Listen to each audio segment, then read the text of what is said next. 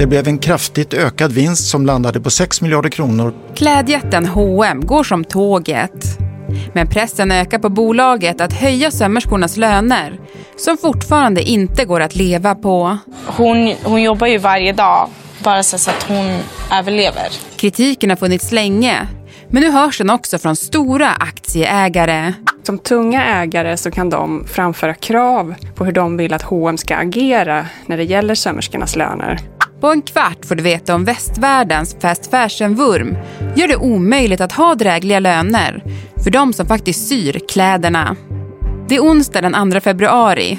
Jag heter Alexandra Karlsson. Det här är Dagens Story från Svenska Dagbladet.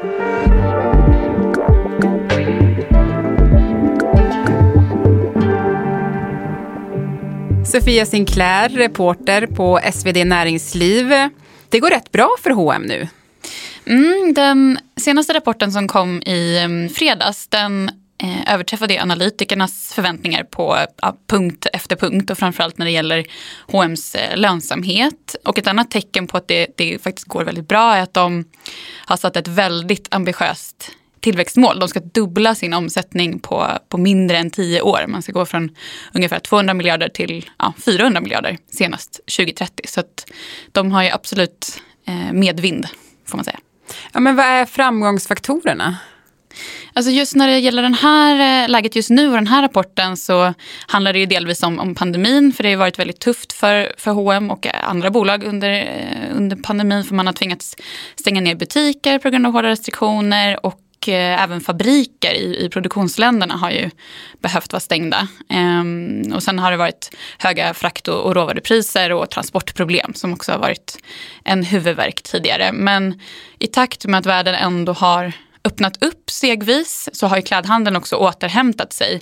Även om det har varit skakigt nu från månad till månad och nu på grund av omikron och sådär. Men H&M's försäljning är ändå tillbaka på samma nivåer som det var innan pandemin. Och sen så ökar e-handeln eh, och också de andra eh, varumärkena inom hm gruppen Alltså till exempel Another Stories och Koss och Arket har, eh, har ökat mycket det senaste kvartalet.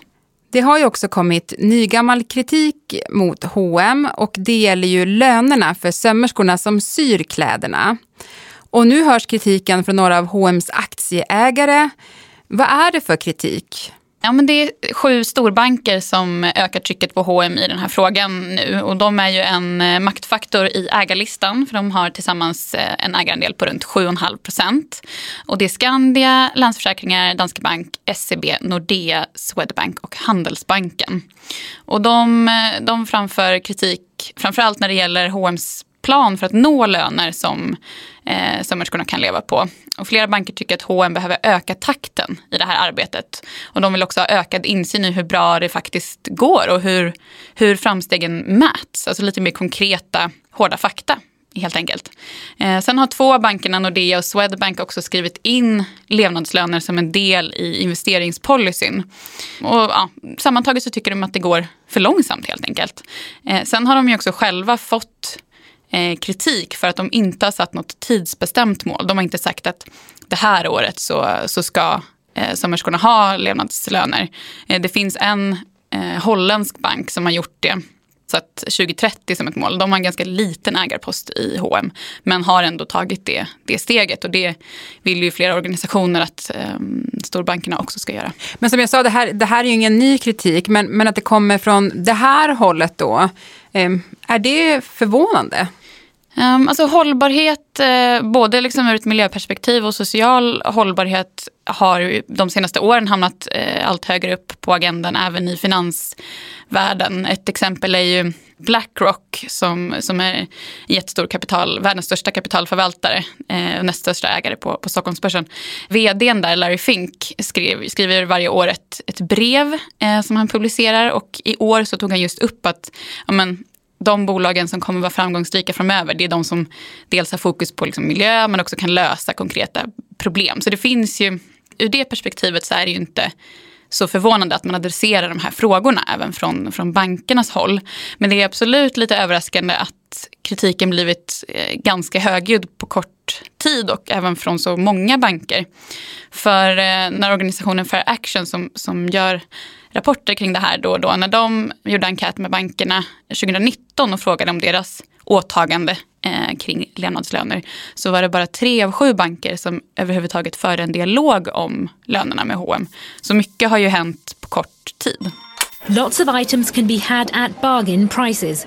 That's largely because low-cost garment makers in Bangladesh are key suppliers. So what happens to the people who are actually producing all that stuff? Tillverkningen av de kläder vi köper från de stora modeföretagen sker idag främst i länder som Bangladesh, Kambodja, Kina och Vietnam där det finns en billig arbetskraft. Frågan om textilarbetarnas löner har debatterats flitigt i modebranschen i flera år. I'm not calling uh, to boycott H&M, but I'm calling the consumer to pressure H&M. It's very common for workers' wages to be stolen from them. Eftersom att modeföretagen inte själva äger fabrikerna där kläderna produceras betalas lönen av leverantören. Idag kräver de flesta svenska modeföretag att leverantören betalar den lagstadgade minimilön i det landet där produktionen är. Problemet är bara att den lönen oftast skiljer sig väsentligt mot vad man faktiskt behöver tjäna för att klara sig. Därför pratar man om att modeföretagen måste sträva mot så kallade levnadslöner. Alltså att den som syr kläderna ska tjäna tillräckligt för att det ska räcka till mat, hyra, sjukvård och att försörja sina barn. A living wage is a human right for all people all over the world. Du började ju granska det här med textilarbetares löner 2018. Varför ville du kolla på det? Det började egentligen med en enkel fråga. Varför kan de som syr kläderna till klädjättarna inte få löner de kan leva på? De omsätter ju mångmiljardbelopp varje år. Varför får man inte ihop den här kalkylen? Och de har ju också haft den här frågan på agendan under många år. Så det, det började egentligen utifrån den frågan. Ja, men hur ser det ut då för en sömmerska som jobbar med att sy kläder till till exempel H&M? Vad tjänar de? Det är olika lönelägen i, i olika länder. Eh, men i Bangladesh och Indien till exempel som är bland de absolut största produktionsländerna så ligger eh, lönerna för de som syr kläder till H&M på i Bangladesh är det 128 dollar i månaden och i Indien 135 dollar. Eh, sen i Kina, som är också en stor, eh, stort produktionsland, så, så ligger det högre. Då är det 446 dollar i månaden. Men eh, samtidigt så har ju lönerna också sjunkit under pandemin i och med att flera fabriker har tvingats vara stängda eh, på, på grund av restriktioner. Eh, och sen så om man sätter de här summorna i relation till vad man faktiskt behöver för att leva på i de här länderna så bedöms de ju behöva öka med 70 procent för att kunna nå dit. Och det är det man menar med när man säger levnadslöner? Precis, det finns ju eh, olika kalkyler för att räkna ut det. Eh, och det är också företag och organisationer som gör det regelbundet och då räknar man också ofta i underkant, eller man ska säga. Det är ganska de eh, absolut mest nödvändiga kostnaderna som behöver täckas i mm. den kalkylen. Och det här har ju varit en fråga för H&M och andra klädföretag som ju då har produktion i låglöneländer. Och den har ju pågått ja, men, jättelänge. Eh, men hur har man egentligen då jobbat med frågan? Eftersom bolagen inte äger fabrikerna där kläderna tillverkas så har mycket av strategin gått ut på att eh, putta underleverantörerna i, i rätt riktning. Så mycket av ansvaret hamnar på dem. Och då har H&M till exempel då försökt påverka regeringarna i de här länderna för att höja minimilöner. Och de är också med i internationella fackliga organisationer för att man ska öka anslutningsgraden i, i produktionsländerna så att de som jobbar där själva driver på för högre löner. Man är också med i olika branschorganisationer som driver den här frågan och sen så har ju H&M då till exempel börjat redovisa öppet vad snittlönerna ligger på för i, i alla i produktionsländerna. Men trots det så är det ju fortfarande så då att 2022 så, så är det inte löner som man kan leva på i de här länderna. Hur kan det vara så, om man nu jobbar aktivt med frågan? Men det är ju väldigt, eh, det är ju ganska en komplex fråga. Eh, dels för att det är stor konkurrens inom, inom modeindustrin om ett bolag höjer till exempel priserna, om man tar den vägen, om man höjer priserna på sina plagg och tar hem det den vägen så, så kan det ju vara konkurrenshämmande för dem till exempel. Och sen är det också komplext eftersom att de som jobbar i fabrikerna syr för väldigt, eller tillverkar kläder för väldigt många olika märken. Och eftersom att olika kedjor använder sig av samma producenter så kan ju konflikter uppstå om vissa köpare betalar högre lön och andra inte. Men finns det exempel på företag som ändå har valt att betala löner som går att leva på? Ja, det finns det absolut. Ett exempel är mm, ett svenskt märke som heter Mini Rodini som tillverkar eh, barnkläder. Där har man gjort så att man, man tittar på vad de som, som tillverkar kläderna tjänar och vad levnadslönen ligger på. Och sen så har man startat då en slags fond där man då tillför pengar och betalar den mellanskillnaden. Eh, sen så är de ett ganska, alltså jämfört med H&M så är det ett väldigt litet bolag. Eh, så det kan ju också vara svårare för ett, för ett stort företag att ta det steget. När det gäller då H&M så är det ju ett företag som faktiskt landar högt när man rankar modeföretagens transparens kring de här frågorna. Du har också varit inne på det. Eh, till exempel då Fashion Transparency Index rankar H&M bland de bästa då av de 250 modeföretagen som de tittar på. Men varför hamnar H&M ändå så mycket under lupp i de här frågorna? Dels så tror jag det handlar om att H&M ju är ett av de absolut största modeföretagen om man omsätter 200 miljarder till exempel förra året. Och är ju en väldigt, väldigt viktig eh, inköpare från de här länderna.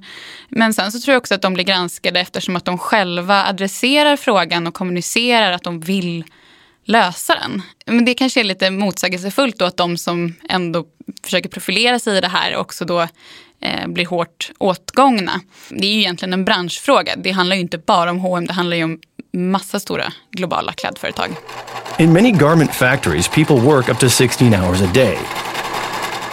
We need people to come together to discuss, to really find and drive solutions that are going to be workable for producers, for manufacturers and for consumers.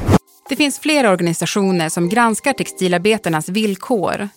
En av dem är alltså Fashion Transparency Index som undersöker och rankar världens 250 största modeföretag utifrån hur transparenta de är i förhållande till en rad sociala och miljömässiga aspekter. När det gäller frågan om levnadslöner visar deras senaste undersökning att 27 procent av de granskade företagen öppet redovisar hur de arbetar med att nå målet om just rättvisa levnadslöner. H&M Group will continue to take lead in this area to make sure that the shift towards a circular fashion industry will be a just and responsible shift. Men, precis som i fallet H&M saknas ofta en strategi som är både tidsbunden och mätbar. Det var bara 6% av företagen som redovisade årliga utvärderingar med mätbara resultat kring hur arbetet gått. Vi gör vårt allra bästa för att driva på utvecklingen framåt för hela branschen och för alla textilarbetare. Men vad vet vi då om, om till exempel H&M's arbete med att eh, få upp lönerna så att det blir så kallade levnadslöner som det faktiskt går att leva på? Ja, det är en väldigt intressant fråga för att just nu så har inte H&M satt något specifikt tidsmål. Man har heller inte sagt eh, att man vill ha en viss summa i, i eh, produktionsländerna. Så det är fortfarande ganska luddigt. Man säger att man vill jobba med det här och det gör man ju också. Men det finns ju faktiskt i dagsläget inga jättekonkreta mål. För att de hävdar ju att de vill se en långsiktig ökning. Så det är ju lite upp till bevis att presenterar man konkreta siffertunga mål så blir det ju lättare att, att, veta vad de faktiskt jobbar mot. Men i dagsläget så, så finns ju inte det, utan de säger att det är ett långsiktigt arbete. Och där kommer då den här pressen från storbankerna in på dem nu. Precis. Ja, men då tänker jag så här. Kan ett företag som är inriktad på fast fashion, alltså nya kollektioner varje vecka, det ska finnas något nytt för kunden och gärna då det ska vara till ett lågt pris. Kan man ha det och samtidigt då ha löner som det går att leva på för de som producerar kläderna? Det går ju såklart, men det beror helt på vilken väg man vill gå. Om man bara flyttar över pengar som till exempel då Mini Rodini, ja men då kanske det går att lösa det på kort sikt, rent konkret. Men eh, samtidigt så, så kan det ju innebära att man då behöver tumma på marginalerna. Så det är ju en avvägning man måste göra som som bolag. Eller om man vill flytta produktion. Men det är ju också negativt för de här produktionsländerna för att eh, H&M och andra stora bolag skapar ju massa arbetstillfällen i de här länderna. Och det är mycket väl så att eh, den här långsiktiga strategin kan ge utslag längre fram. Man har ju ändå lyckats få upp minimilönerna i flera eh, länder. Så det beror på lite vilket perspektiv man tänker. Det går ju absolut att göra det redan nu. Men eh, jag tror att det är någonting som snarare syns på längre sikt. Ja, men till sist Sofia, du har ju som sagt bevakat den här frågan länge. Tror du att det till slut kommer bli en riktig förändring i branschen? Jag tror att det kan bli det, men att det kommer gå väldigt långsamt. Och vill man göra det snabbare, ja, men då kanske en sån här fond där man betalar ut mellanskillnaden är bästa sättet. Men vill H&M eh, dubbla omsättningen på mindre än tio år så tror jag inte att det finns en sån, att en sån investering är aktuell på ett tag i alla fall. Tack Sofia Sinclair för att du var med i Dagens Story. Tack. Och vill du höra heta diskussioner om aktuella frågor? Lyssna på ledarredaktionen, också från Svenska Dagbladet. Programmet idag producerades av Gabriella Lahti. Redaktör var Teresa Stenler von Matern. Och jag heter Alexandra Karlsson. Vill du kontakta oss så mejla till dagensstory.svd.se.